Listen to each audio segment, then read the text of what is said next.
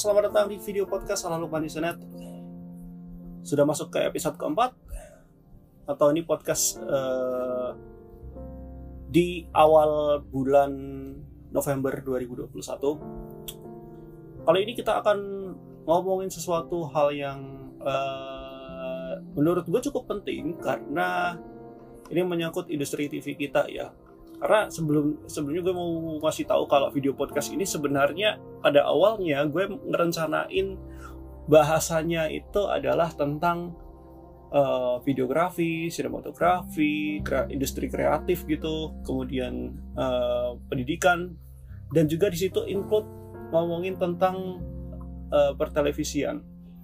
Karena menurut gue kan ini media televisi udah mulai kayak tergusur gitu kan karena media online yang sekarang lebih banyak diminati anak muda zaman sekarang kan. Nah, menurut gue ngomongin tentang industri TV itu menurut gue penting banget antar penting atau enggaknya sih. Tapi menurut gue ini penting karena ter, karena kan ini termasuk peradaban teknologi uh, apa namanya kemajuan teknologi gitu kan. Di mana televisi memang udah dari puluhan tahun ya, bahkan mungkin lebih dari 50 tahun televisi muncul di terutama di negara kita gitu ya. Sejak tahun 62 TVRI muncul sampai sekarang stasiun televisi udah berapa tuh? 18 kan? Nah ini termasuk perkembangan teknologi jadi ini kayaknya menarik untuk kita obrolin. Jadi hari ini di episode keempat video podcast kali ini kita akan ngomongin tentang uh, teknologi televisi analog ke digital sebenarnya ini bahasan uh, udah diomongin atau udah dibahas sama kreator-kreator lain udah dari beberapa bulan yang lalu bahkan setelah peraturan atau setelah kayaknya setelah omnibus law kayaknya setelah omnibus law diresmikan dan ditandatangani oleh Presiden Jokowi eh, orang-orang uh, terutama ya yang memang berkecimpung di dunia penyiaran mulai ngomongin tentang hal ini gitu. Nah, kalau gue sendiri, gue udah ngomongin ini tuh dari bulan April bulan April Maret April gitu. Karena uh, saat itu gue uh, udah nyoba apa sih namanya gue udah nyoba satu, uh, satu STB yang gue beli set top box gitu untuk mencoba uh, siaran digital sekarang udah sampai sampai gimana nih? Terutama daerah gue nih karena uh, sebelumnya gini gue kan tinggal di daerah Temanggung ya dan daerah Temanggung sendiri untuk siaran TV digital masih hanya tercover paling paling dekat ya paling dekat adalah daerah Wonosobo yang di mana stasiun televisi yang terjangkau hanya TVRI saat itu. Namun dengan utak atik yang gue lakukan asik utak atik, gue pakai alat tambahan lah untuk mencengin apa sih namanya daya daya tangkup ada eh sorry daya tangkap uh, sinyal atau frekuensi. Gue akhirnya bisa menjangkau banyak kanal karena uh, antena gue arahin antena TV gue arahin ke Jogja dan gue mendapat sekitaran 26 kanal di mana di antaranya ada stasiun TV nasional dan juga stasiun televisi daerah. Plus tambahan lagi stasiun televisi daerah, eh, sorry, stasiun televisi komunitas juga. Nah, uh, gue mungkin akan menceritakan sedikit gimana nanti nanti tapi uh, gimana pengalaman gue setelah mencoba siaran digital ini. Tapi sebelumnya gue pengen ngejelasin dulu buat kalian yang masih belum tahu uh, apa itu TV digital, apa itu penyiaran digital, dan kenapa mesti ada migrasi dari analog ke digital nah. Gue akan mulai dari apa itu digit, uh, siaran digital atau siaran TV digital ya. Singkatnya adalah kalau uh, gambarnya kayak gini, mungkin gue ilustrasiin. TV yang biasa lo pakai atau biasa lo uh, tonton, siaran TV yang biasa lo tonton dengan modal antena TV biasa, bahkan mungkin ada tambahan alat seperti booster lah, entah splitter atau mungkin CATV untuk menguat untuk penguat sinyal itu menggun itu adalah bentuk dari stasiun apa namanya penggunaan siaran televisi analog penggunaan uh, bentuk dari siaran TV analog. Jadi mungkin gue kasih penjelasan secara teoritisnya mungkin ya. Jadi siaran televisi analog ini adalah siaran televisi yang menggunakan gelombang analog. Iya ya sih. Sebenarnya kalau teman-teman belajar fisika ya, uh, sedikit-sedikit lah kita belajar kalau misalkan uh, sedikit-sedikit kita nginget ingat beberapa pelajaran zaman dulu di sekolah ya harusnya ini ada di zaman dulu SMP sih ada dua ada dua uh, gelombang yang uh, berdasar apa sih namanya? Berdasar bukan berdasar teknologi. Gue ngomongnya gimana ya? Ada uh, saya ingat gue nih ada dua gelombang yang biasanya kita ketahui dan ada di pelajaran fisika. Itu ada gelombang analog dan gelombang uh, digital. Oke mungkin gue, gue gambarin dikit kak. Kalau misalkan gini kalau misalkan lu dengerin podcast ini di Spotify mungkin kalian nggak bisa uh, ngelihat gambar yang muncul ya. Karena memang tidak ada fiturnya. Tapi kalau kalian nonton di atau dengerinnya lewat YouTube kalian bisa lihat visualnya. Karena di sini kalau lihat di sini ini salah satu bentuk sinyal analog. Dan seperti yang kita tahu ya sinyal analog bentuknya kayak gelombang gitu. Istilahnya kayak gelombang longitudinal gitu. Dan di sini kayak ada bagian paling puncaknya begitu garis menuju puncak kemudian turun. Kemudian puncak lagi turun lagi begitu. Ada uh, dalam gelombang analog gelombang pada sinyal analog ini uh, berbentuk gelombang sinus yang memiliki tiga variabel dasar. Ada amplitude frekuensi dan juga fase. Nah biasanya analog ini kalau misalkan gambaran gampang adalah kalau misalkan kalian masih dengerin radio aja kalian teman-teman yang masih mendengarkan uh, siaran radio siar, siaran FM radio gitu nah itu menggunakan sinyal analog gitu. Dari 98 sampai 100 eh, sorry dari 88,7 sampai 108 gitu kan. Itu uh, sinyal analog yang digunakan untuk siaran radio. Nah kalau TV dulu zaman dulu ya kita ngomongin teknologi zaman dulu siaran analog di TV itu dulu ada yang namanya VHF atau very high frequency dan juga ultra high frequency.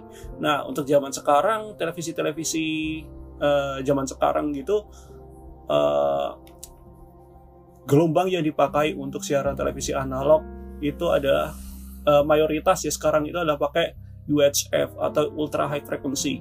Untuk very high frequency ini sendiri uh, ada beberapa uh, sudah sudah jarang ya tapi ada gitu. Salah satunya adalah televisi kampus gue sendiri isi TV itu masih pakai very high frequency. Sehingga kalau lo mau nangkap siaran isi TV sendiri secara secara offline ya lo mesti pakai uh, antena lo mesti bisa nangkap siaran very high frequency. Tapi zaman sekarang kan ja, uh, jarang banget yang pakai ya gitu. Nah uh, itu itu dari siaran analog ya. Kemudian kalau uh, ken, uh, kalian bertanya kenapa siaran analog uh, kita mesti di uh, siaran televisi kita mesti berubah gitu dari analog ke digital? Alasannya adalah yang pertama dengan penggunaan frekuensi yang uh, karena kita tahu sendiri kalau VHF itu kan memang lebih tinggi daripada radio ya kan? Dari penggunaan frekuensi di gelombang analog ini ini mengakibatkan pemborosan penggunaan frekuensi. Karena gini mungkin gambarnya begini aja deh. Kalau teman-teman pakai uh, share, uh, namanya kalau kalian masih pakai TV analog coba kalian uh, mencoba mencari sinyal atau mencari siaran begitu dengan cara ya kayak kalau kalian pakai TV biasa gitu ya, di remote lu pencet apa namanya menu gitu kan kemudian di uh, pencarian channel gitu ya lu cari aja gitu kan. Nah di situ ada angka frekuensi dari 400 sampai berapa gitu kan. Nah itu itu adalah frekuensi yang dipakai untuk siaran TV nah itu dicari tuh Nah, biasanya ada satu uh, ada di titik tertentu atau di angka tertentu frekuensi tertentu yang meng, yang memuat siaran TV. Nah, itu dalam satu uh, angka frekuensi itu hanya bisa memuat satu uh, siaran TV atau uh, satu kanal aja. Sedangkan kalau mau cari kanal lain mesti cari-cari lagi begitu. Kenapa gue bilang memborosan? Karena sebenarnya ya Uh, sebenarnya kalau bisa di, misalkan bisa dimaksimal kalau misalkan bisa dimaksimalkan penggunaan frekuensi itu maka sebenarnya dalam satu angka atau satu uh, frekuensi dalam satu titik frekuensi tertentu itu bisa memuat banyak banget kanal. Makanya dalam digital dalam siaran digital itu uh, satu satu frekuensi atau satu UHF bisa men, mencakup beberapa kanal gitu. Nah uh, Selanjutnya uh, dari pemborosan uh, penggunaan frekuensi ini sebenarnya kalau misalkan kalian migrasi ke digital itu sisa frekuensi yang nggak kepake bisa dimaksimalkan untuk yang pasti internet kita gitu. Karena gini, internet kita kan sekarang masih 4G kan. Sedangkan sekarang beberapa layanan uh, telekomunikasi sudah mengembangkan teknologi telekomunikasi dengan koneksi 5G. Nah, 5G ini terbentuk atau tercipta karena frekuensi yang uh, yang udah gak dipakai ini kalau misalkan kalian udah migrasi ke digital. Jadi gampang jadi gampangnya mungkin bisa uh, bisa gue, gue simpulin kayak gini. Kalau lu migrasi TV dari analog ke digital, maka uh, bisa membuat penggunaan frekuensi semakin bisa dirapetin gitu atau uh, bisa dihemat gitu. Sehingga frekuensi yang udah nggak kepakai yang nggak kepake ini bisa dimaksimalkan untuk uh, jaring pengembangan jaringan 5G ini. Itu gitu gampangnya ya. Nah sekarang mungkin uh, sekarang kita langsung ke apa itu siaran digital? Nah ini gue bilang mbak uh, gue kasih tahu kalau uh, siaran digital itu siaran yang pakai gelombang digital pasti ini sebenarnya adalah merupakan hasil teknologi yang mengubah dari sinyal yang menjadi uh, mengubah sinyal yang tadi yang gue kasih gambarannya ke lu sinyal analog tadi. Jadi urutannya cuman uh, biner. Kalau maksudnya gini kalau lu lihat gelombang analog itu kan bentuknya kan kayak bukit gitu kan. Bukit turun naik turun naik turun gitu. Nah itu tuh mengandung uh, itu bisa mengandung angka-angka gitu di setiap kenaikannya setiap penurunannya gitu. Nah kalau di sinyal digital sendiri ini merupakan teknologi yang di mana ini mengubah sinyal uh, analog yang tadi menjadi kombinasi urutan dengan bilangan 0 dan juga satu alias yes or no ya atau benar gitu. Nah sehingga tidak terpengaruh oleh uh, gangguan apa pun gitu. Nah uh, tadi gue bilang tuh sinyal analog kan uh, bo udah boros kan udah boros penggunaan sinyal kan tadi gue bilang satu UA satu UHF atau satu UHF hanya bisa meng, meng apa sih namanya hanya bisa digunakan untuk menampilkan atau menyiarkan satu kanal aja. Nah itu pun kalau misalkan kita bisa menerimanya menerima sinyal itu dengan baik. Kalau misal kecuali kalau misalkan ada cuaca gitu. Misalkan ada cuaca entah angin ribut lah hujan lah dan yang lain-lainnya petir bahkan peting beliung dan teman-temannya. Itu akan membuat kayaknya apa namanya itu akan membuat penerimaan sinyalnya itu jadi kurang bagus gitu. Makanya kalau misalkan ada di kalau misalkan kalian pakai TV analog gitu kan, kemudian cuaca di daerah lo lagi hujan lah dari jadi terus angin kencang begitu, kadang-kadang uh, suka goyang apa namanya uh, si antena suka suka geser-geser sendiri sehingga berakibat uh, dengan halangan cuaca tersebut penerimaan sinyalnya kurang bagus makanya uh, tampilan di TV bisa muncul kayak semut-semut begitu atau suaranya jadi lebih kayak apa sih namanya kurang kurang bersih kurang jernih gitu. Nah penggunaan digital ini karena tadi gue bilang sinyalnya cuma 0 dan 1 yes or no gampangnya begitu. Maka ketika ada gangguan apa pun ini sinyal eh, walaupun mungkin eh, rendah menuju ke titik terendah dia akan tetap muncul aja gambarnya dengan gambar yang bersih. Bersih gambar yang bersih dan suaranya ya biasa yang dan juga jernih gitu. Nah, tapi ada kelemahannya juga nih. Bukan bilang dengan siaran anal, sorry, siaran digital itu akan membuat kalau sinyalnya lemah, lemah banget nih, ya nggak akan muncul gambar. Kalau misalkan ada sinyal sedikit pun akan muncul kok gambarnya langsung dengan kualitas yang bagus. Jadi nggak ada tuh yang smooth-smooth gitu. Tapi ya itu akan jadi sebuah apa sih namanya ketidaknyamanan juga buat kita yang juga nonton TV gitu. Karena kadang-kadang kita ada satu momen di mana kita pengen nonton misalkan nonton bola gitu. Sedangkan uh, kanal yang kita mau uh, kanal yang menayangkan program itu itu kalau kita uh, kita pakai siaran digital itu sinyalnya jelek banget. Sehingga ketika lo mau nonton itu gambarnya muncul. Tapi kadang-kadang kalau misalkan sinyalnya lemah sinyalnya lemah nih patah-patah gambar. Gambar patah-patah suaranya juga patah-patah. Tapi walaupun gambarnya patah-patah tetap jernih. Nggak ada semut gitu. Nggak ada semut-semutnya. Jadi cuman ya apa kelihatan bagus gitu. Tetap kelihatan jernih kelihatan bersih gitu. Tapi tetap patah-patah. Itu salah satu efek kalau misalkan gangguan sinyalnya terjadi gangguan gitu. Tapi kembali lagi dengan adanya ganggu kalau bedanya sama analog tadi kalau misalkan ada gangguan kayak cuaca begitu uh, gambarnya uh, akan berpengaruh kayak uh, kurang bersih kurang jernih gitu jadi kayak ada semut-semutnya suaranya kadang-kadang ada kompresek gitu.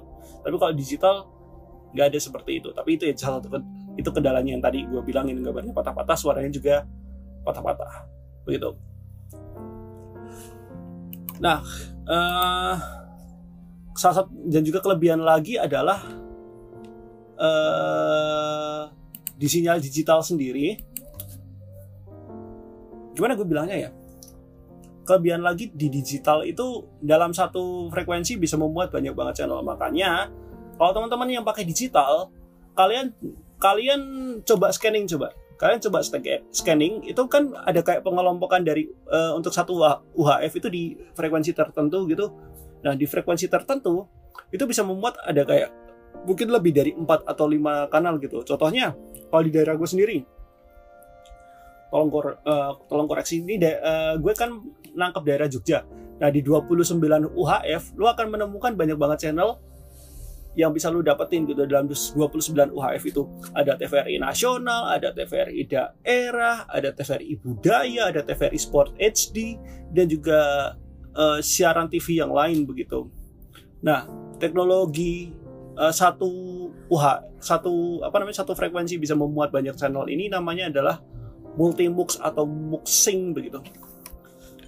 Makanya kalau kalian uh, mungkin kalian yang juga mencoba mempelajari tentang siaran digital kalian uh, sering banget ada kasus kayak stasiun televisi pengen mencoba bersiaran digital. Nah itu ada namanya sewa mux. Nah itu yang dipakai gitu. Itu adalah salah satu cara di mana lu sebagai stasiun televisi daerah bisa menyiarkan secara digital tayangan-tayangan kalian gitu.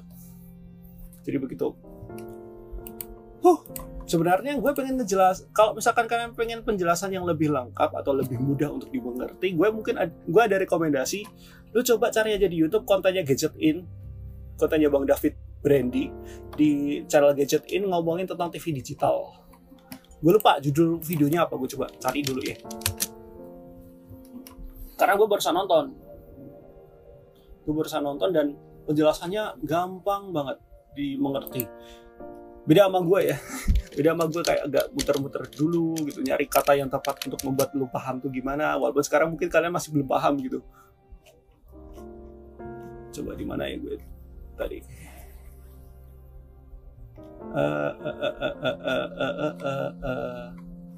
di mana ya bentar bentar bentar gue coba cari dulu channel gadget in di video yang judulnya sebagian TV bakal disuntik mati oleh pemerintah dan saya suka.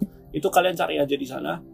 Langsung aja di gadget in kemudian di tab video di situ uh, yang gambarnya apa sih namanya gambarnya TV terus tulisan goodbye. Itu itu itu lo klik aja. Itu uh, video yang ngomongin tentang TV digital. Kalau kalian mau lebih pahamnya ya atau lebih simpelnya untuk dipahami. Nah sekarang ada beberapa orang yang tanya gue gimana sih man caranya migrasi ke digital? Nah, migrasi siaran TV dari analog ke digital nah ini ada dua cara. Yang pertama, yang pertama adalah lu cek dulu perangkat TV lu support digital atau enggak.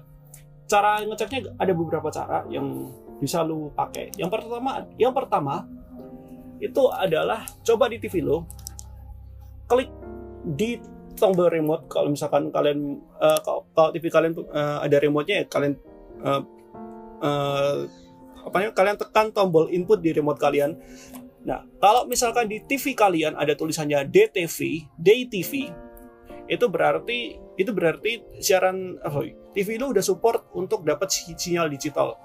Tapi kalau tulisannya cuma ATV atau TV doang, berarti uh, belum bisa tuh, belum bisa untuk menerima siaran digital. Karena gini, gue mungkin akan ngambil sedikit uh, pembahasannya dari gadget in ya, dari Bang Brand, uh, Bang David, bahwa uh, setiap TV itu punya tanner atau al alat untuk memproses dari suatu sinyal yang didapat gitu sinyal yang didapat menjadi dirubah menjadi uh, suara ataupun gambar gitu.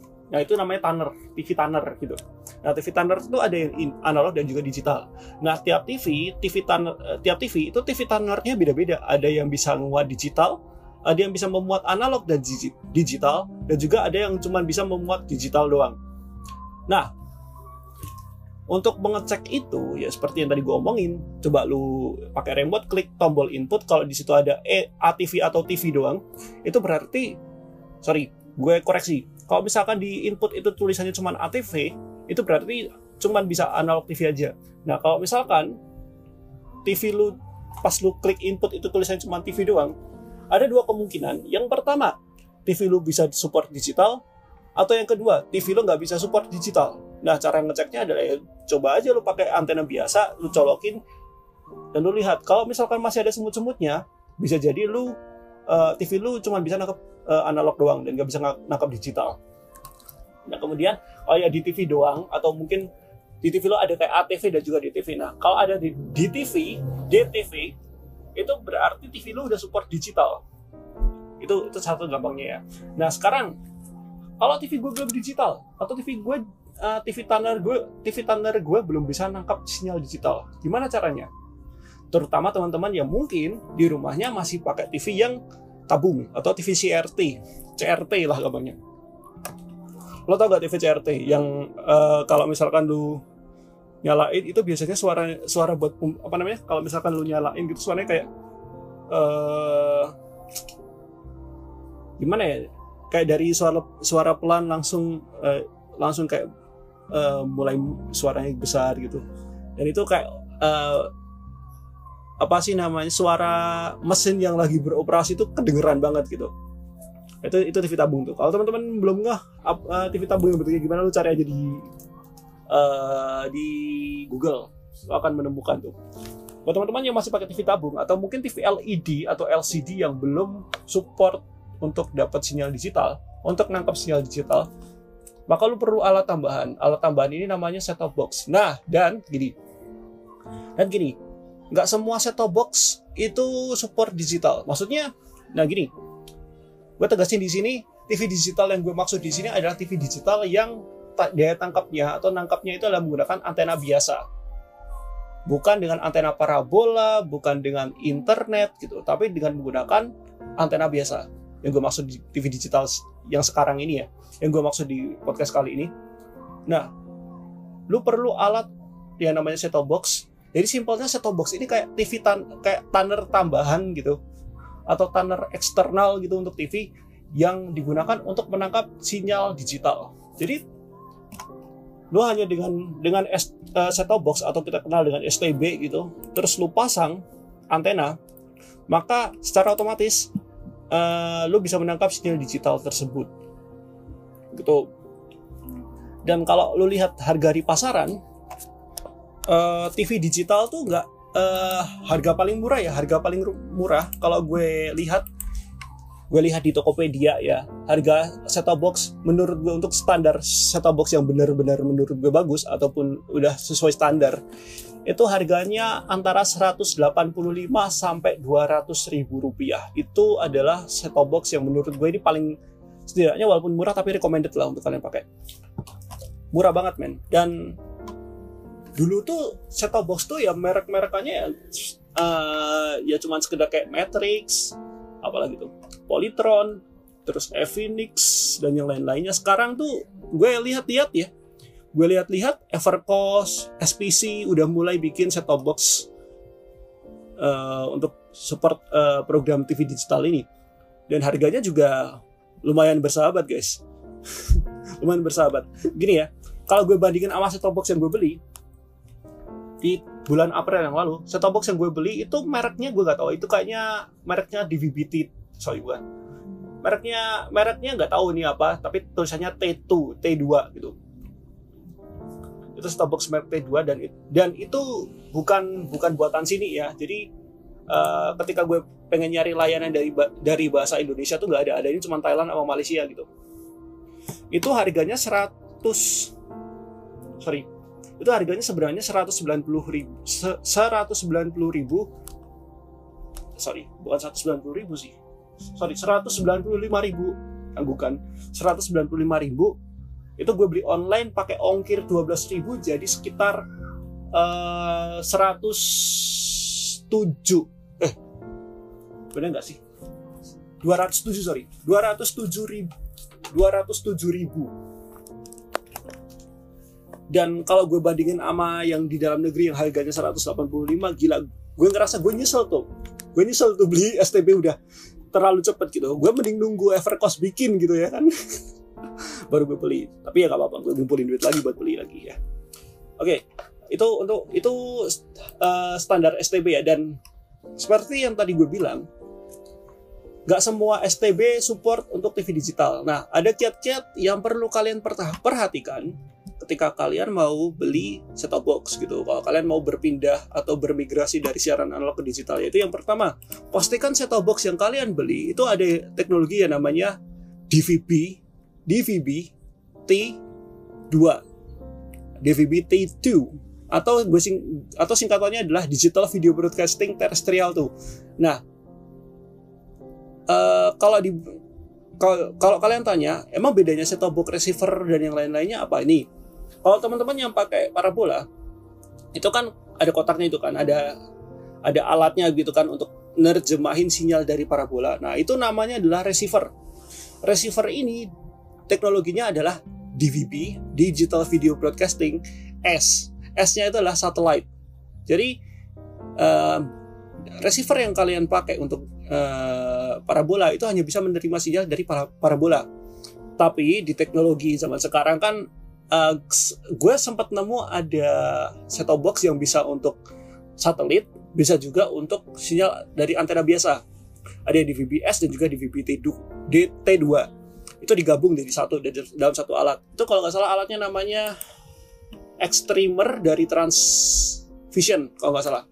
Singkat gue harganya mahal mahal sih kalau gue lihat 799 ribu bayangkan untuk STB gabungan bisa dapat sinyal dari uh, antena biasa dan juga sinyal dari parabola harganya 109 sorry 799 ribu. For me itu gak worth it. Kenapa? Karena kalau misalkan kalian butuh sinyal sinyalnya adalah uh, terestrial terestrial atau pakai antena biasa ya menurut gua nggak perlu nggak perlu ekstremer dari transvision ini. Kalian mending nyari yang murah aja. Yang tadi gue rekomendasiin 185 ribu lu bisa dapat set top box merek Evercost yang setidaknya teknologinya udah ngepas atau sesuai standarnya Kominfo ya menurut gue ya sudah standar sudah standar punya Kominfo dan buatan anak negeri juga gitu. Sekalian ngebantu ekonomi dalam negeri juga kan. Itu Uh, terus yang kalian perlu perhatikan juga dari STB yaitu adalah uh, tingkat kepekaan. Karena gini, karena gini, karena kan gue gabung di grup Facebook kan, grup Facebook nam ada dua grup Facebook yang gue ikuti itu ada grup uh, yang namanya komunitas TV digital terestrial di DVB-T 2 Indonesia dan juga TV digital Jogja Jateng. Nah, gue tuh sering banget tuh ikut apa sih namanya nimbrung di grup itu dan gue lihat permasalahan-permasalahan dari teman-teman yang uh, jadi anggota grup itu uh, permasalahan mereka itu adalah mereka udah pakai STB nih tapi kenapa daya jangkaunya kurang? Padahal udah nembak dari area dari arah yang sesuai yang yang sesuai kemudian udah tambah booster tambah CATV dan yang lain-lainnya gitu untuk menguatin sinyal tapi sinyal dapetnya cuma segitu. Itu itu ada kemungkinan yang pertama bisa jadi arahnya salah yang kedua STB-nya kurang sensitif. Nah untuk mengetahui sensitivitas dari STB tersebut lu mesti uh, baca-baca juga ya di boxnya apakah uh, dan lu bandingin kira-kira yang lebih bagus yang mana gitu tapi menurut gue untuk masalah sensitivitas sinyal sendiri, uh, gue pikir uh, bukan suatu hal masalah, bukan suatu yang masalah gitu. Karena menurut gue juga uh, zaman sekarang itu pengembangan STB udah mulai bagus nih. Uh, masalah sensitivitas dapat sinyal itu uh, bisa teratasi lah gampangnya.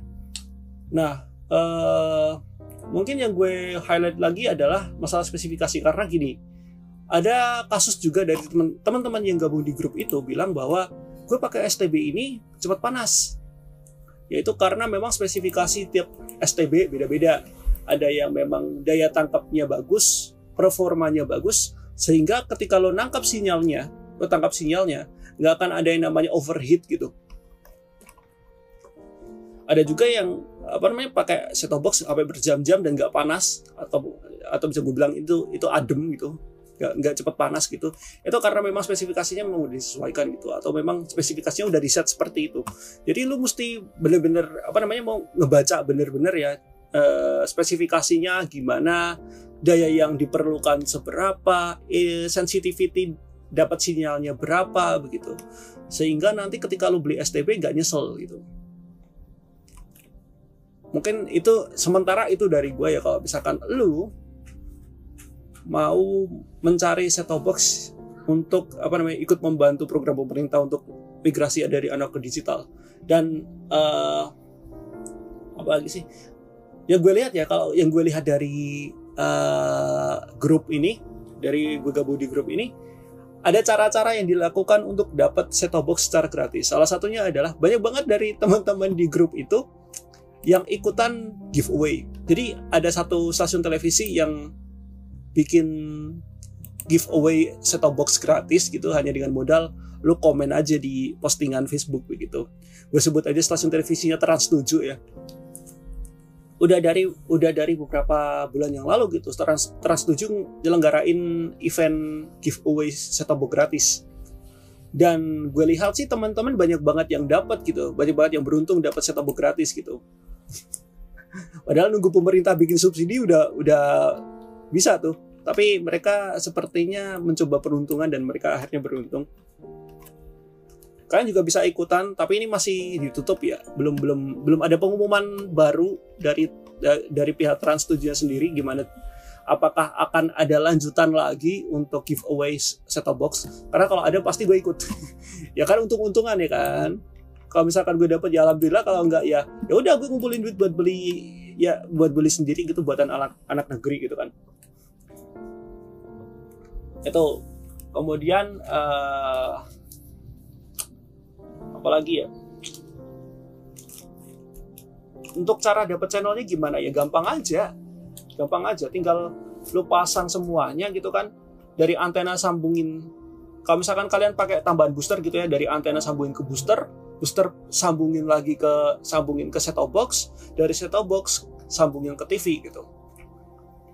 Dari jadi dari kabel antena lu pasang ke booster nah dari booster lu pasang ke uh, antena antena innya di di set top box kemudian lu pakai HDMI atau pakai kabel RCA yang merah kuning putih itu lu, lu pasang dari set top box ke TV kemudian ya udah setelah itu cari channel cari channelnya lewat set top box yang lu pakai. Tinggal cari sinyalnya boom udah selesai. Nah terus kemudian gini ada beberapa teman-teman juga yang memiliki kendala gitu dalam uh, scanning channel. Ada teman ada teman-teman yang juga tanya, ada teman-teman yang tanya, gue udah nyari channel apa namanya, gue udah ngelakuin uh, tuning begitu, gue udah nyari channel via digital, tapi kok nggak kok nggak dapet gitu. Bisa jadi mungkin daerah lo belum mencakup sinyal digital itu. Atau yang kedua, mungkin lo uh, mungkin daerah lo mem memang lagi apa namanya uh, blank area gitu. Jadi tidak ada sinyal analog sama sekali di daerah lo. Nah, eh, yang perlu lakukan adalah ya seperti yang tadi, menyesuaikan antena ke arah mana atau kalau misalkan kalian pengen memperkuat daya, daya sinyalnya, ya lo pakai booster. Kalau gue kan memang daerah Temanggung dan di daerah Temanggung sendiri untuk dapat sinyal TV mesti pakai booster kan, nggak mungkin pakai antena doang. Nah, kalau misalkan gue nggak pakai antena, eh gue nggak pakai bu, sorry, gue kalau nggak pakai booster yang gue dapetin untuk sinyal digital cuma TVRI TVRI-nya pun ini cuma TVRI di daerah Wonosobo doang. Itu yang digital. Tapi setelah gue pakai booster akhirnya gue bisa dapat siaran dari entah dari Semarang lah dari Jogja. Gue terakhir ngecek ya. Gue terakhir ngecek gue pakai set box itu gue antena tak arahin ke Jogja itu gue dapat 26 channel, 26 channel, ada TVRI, ada RCTI dan teman-temannya begitu. Dan ada TV daerah juga kayak Tegar TV, ada Setia TV, ada siapa lagi, ada apa lagi sih? Adi TV juga salah satunya. Banyak banget gitu. Dan uh, dan jadi itu ya. Kalau misalkan kalian punya permasalahan uh, tentang gue udah uh, nyari sinyal nih kok nggak ketemu ya tinggal pakai alat tambahan booster gitu dan kemudian gini bukan gini ada tambahan lagi ini kan di rumah gue ada dua TV nih misalkan nih orang kaya nih ada dua TV nih di rumah gue ada dua TV gue pengen apa namanya sinyal digital gitu gue pengen dapat siaran digital untuk dua TV ini apakah satu STB itu cukup Uh, enggak. Yang pertama, kenapa kenapa gue bilang satu STB nggak cukup? Yang pertama, satu STB hanya bisa dipakai untuk satu TV aja. Tidak bisa untuk banyak TV. Jadi lu mesti beli satu STB lagi untuk dipasangin ke TV yang satunya. Itu yang pertama. Lalu yang kedua, kalau misalkan lu pakai antena dan TV lu dua dan lu pengen sambungin dua TV itu dengan satu antena yang sama, maka lu perlu alat tambahan yang namanya CATV. CATV ini sebenarnya adalah alat yang bisa digunakan untuk mengamplify atau meningkatkan lagi meningkatkan lagi daya tangkap sinyal dari uh, daya tangkap sinyal dari uh, antena lo. Nah, karena ini dua dan lo pengen satu antena hanya dengan satu antena, maka CATV ini juga bisa untuk uh, membuat cabang gitu. Jadi dalam satu antena bisa lo pasangin ke TV 1 atau TV 2 tanpa harus apa sih namanya? Tanpa uh, mengurangi kualitas sinyal yang didapetin. Karena ada karena kemarin karena dulu ini, dulu gue ada kasus tuh dulu tuh TV ada dua satu uh, di rumah sendiri dan satunya lagi itu uh, eh, TV dari ini TV dari saudara tuh. Yang kemudian di rumah kemudian itu antena cuma punya satu dan konsepnya sendiri antenanya hanya bisa dipakai apa namanya antena itu cuma uh, pengennya di, dipakai untuk dua TV itu. Nah makanya dibikin cabang bisa untuk apa namanya bikin dua cabang tuh. Yang satu buat TV biasa yang satunya lagi buat TV yang satunya lagi Alhasil yang terjadi adalah daya tangkapnya sebenarnya sama, cuman karena ini dibagi dua, pastinya kan akan berkurang juga kan, dibagi dua kan. Yang tadinya bagus uh, sinyal uh, intensitas sinyalnya terus kemudian dibagi dua gitu. Satu untuk yang A, satu untuk yang satu untuk TV A, yang satu untuk TV B gitu kan.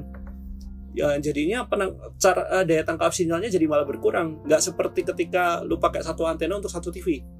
Nah makanya alat CATV ini setidaknya bisa membantu lah untuk lo dapat sinyal yang sama begitu dengan sinyal dengan kekuatan sinyal yang sama gitu untuk dua TV gitu dalam satu antena. Begitu. Nah pertanyaan selanjutnya adalah kenapa gue mesti ikut atau gue mesti pakai siaran digital secara terestrial atau pakai antena biasa? Sedangkan gue udah punya parabola nih.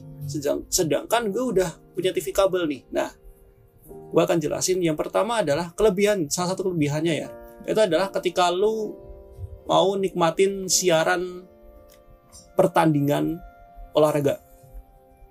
Karena gini gue akan jelasin sedikit uh, terkait event pertandingan olahraga. Karena gini pertandingan olahraga itu uh, dalam gini, jadi mungkin penjelasannya lebih mudahnya kayak gini. Sebuah stasiun televisi uh, yang mau menayangkan event olahraga tertentu itu uh, ada ada salah satu apa sih namanya ketentuan yang gue sebut namanya adalah hak siar. Nah hak siar ini salah satu yang salah satu yang uh, yang termuat dalam hak siar ini adalah terkait metode penyiarannya. Ada metode penyiaran bisa lewat siaran secara terestrial atau bisa lewat parabola, ada yang bisa juga lewat uh, streaming begitu. Nah, kebanyakan event olahraga itu hanya bisa dinikmati untuk teman-teman lewat uh, hanya bisa uh, teman-teman nikmati begitu lewat siaran terestrial. Siaran terestrial maksudnya adalah menggunakan antena biasa begitu, hanya untuk uh, siaran lokal, siaran apa sih namanya? Hanya untuk lingkup uh, daerah tertentu begitu. Jadi nggak secara umum gitu.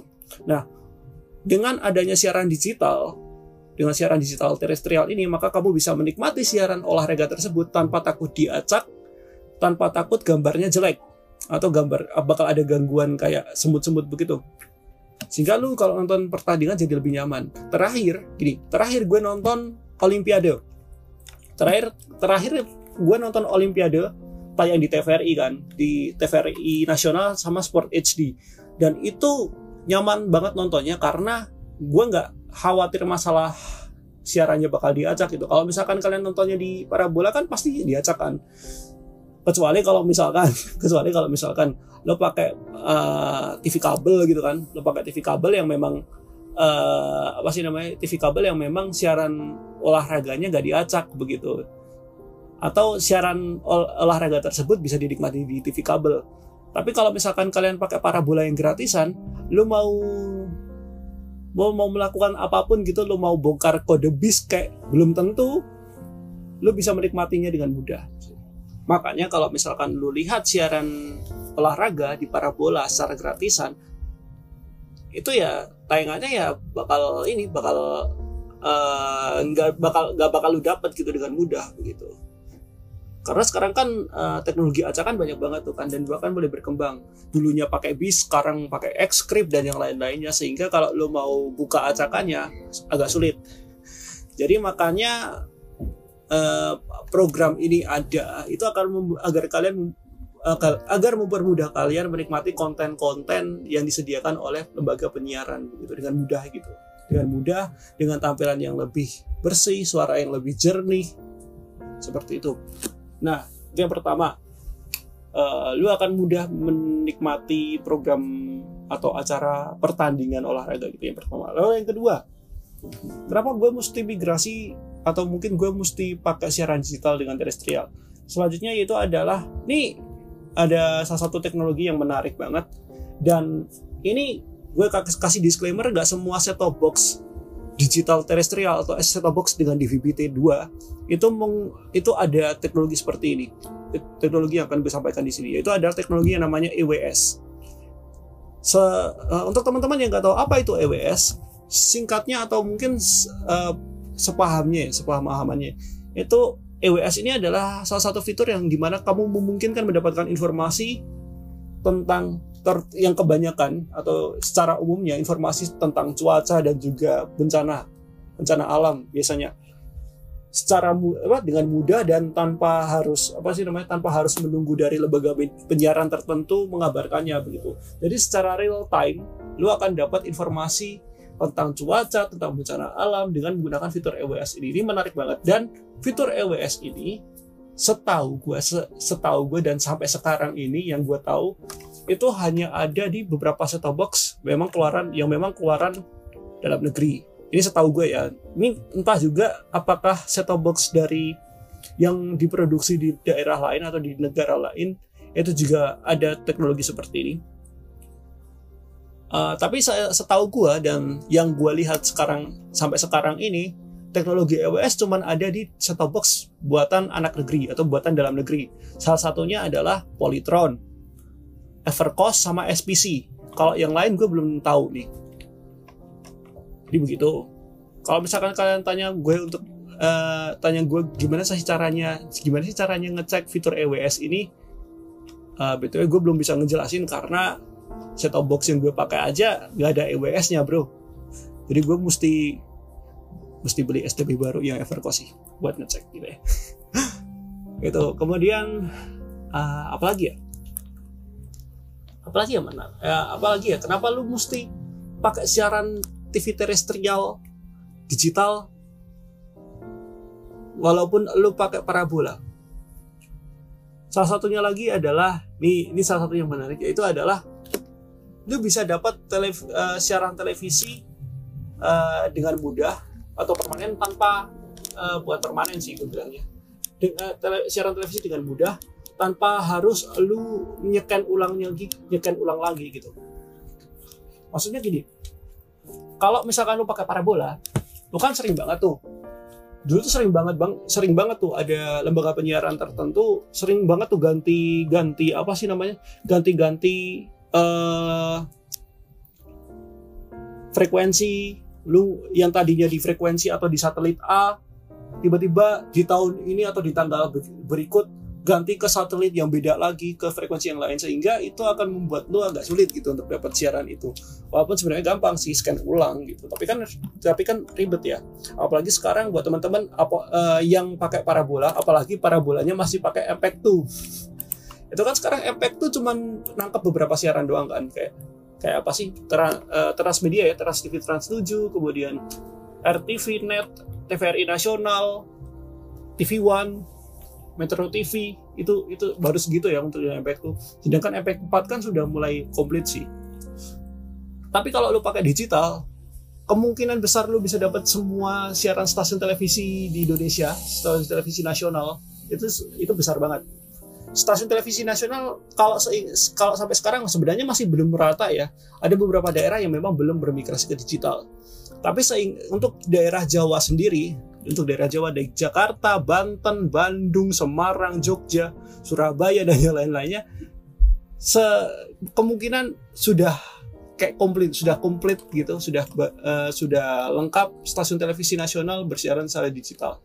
Tapi ini ini belum tentu ini semua benar ya karena gue lihat sih ada beberapa teman gue teman-teman teman-teman di grup itu yang asalnya dari Surabaya juga belum mendapatkan siaran dari lembaga penyiaran tertentu salah satunya adalah RTV belum ada belum belum dapat tuh mereka jadi Uh, kita lihat aja bagaimana pengembangan atau perkembangan terkait dengan siaran digital di beberapa uh, di seluruh Indonesia ini semoga bisa uh, berjalan dengan lancar gitu ya pastinya.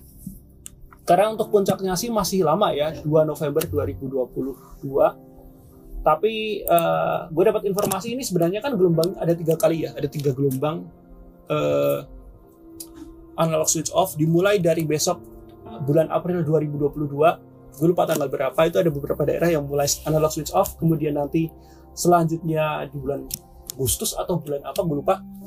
Gelombang kedua dan finalnya atau puncaknya adalah di 2 November 2022 jadi kita ikuti aja gitu ya uh, perjalanannya semoga bisa lancar nih untuk uh, kegiatan analog switch off ini jadi itu untuk podcast kali ini mudah-mudahan semuanya tercerahkan dengan informasi atau yang gue omongin hari ini kalau kalian punya pertanyaan apa pun gitu ya tentang terutama tentang uh, analog switch off atau kebijakan ini langsung aja di sosial media gue gue buka ya untuk DM Instagram, DM TikTok gue juga gue buka. Ingat ya teman-teman semua untuk apa sih namanya tetap jaga kesehatan, cari informasi sebanyak-banyaknya dan juga cek validasi juga di apa namanya validasi juga berita yang kalian dapatkan apakah berita itu benar atau salah.